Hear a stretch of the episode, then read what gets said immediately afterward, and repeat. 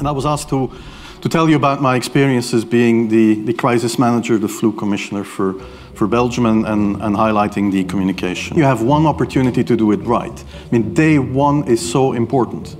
Uh, in day one, you start your communication with the press, with the people.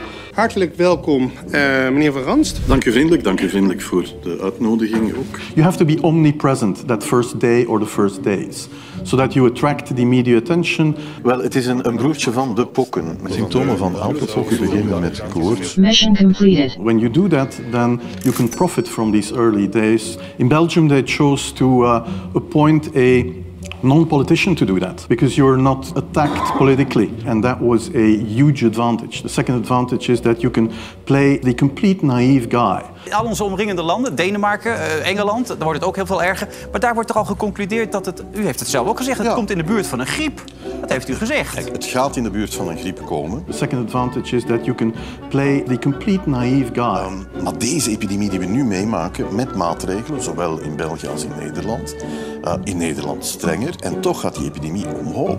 These first weeks, that's easy street. Het zou goed kunnen dat je er nog nooit van hebt gehoord. Het apenpokkenvirus. Apenpokken. Apenpokken. Er is grote paniek in het land, dus haal de mondkapjes maar weer van de zolder. We hebben namelijk te maken met het apenpokkenvirus. denken net dat dat Kiona-nonsens een beetje weg is. En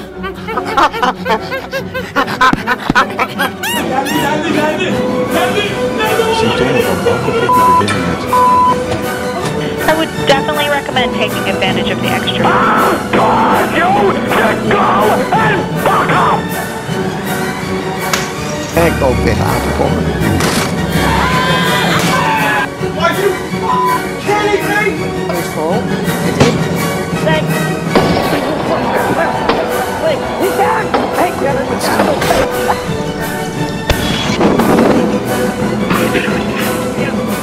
Yeah! Vol. Het is...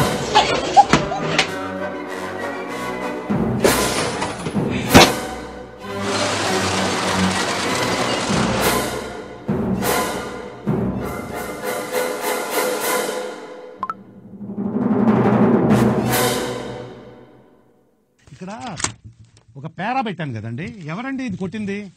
ఇక్కడ పేరా పెట్టాను కదండి. ఏం చేస్తారండి వీళ్ళు? ఇక్కడ పేరా ఇది ఇలా పెడితే ఇండికేషన్ పేరా అని. డివైడ్ చేయమని అర్థం. ఎందుకు ఎందుకు పుడతారో కూడా తెలియదండి మనుషులు కొంతమంది.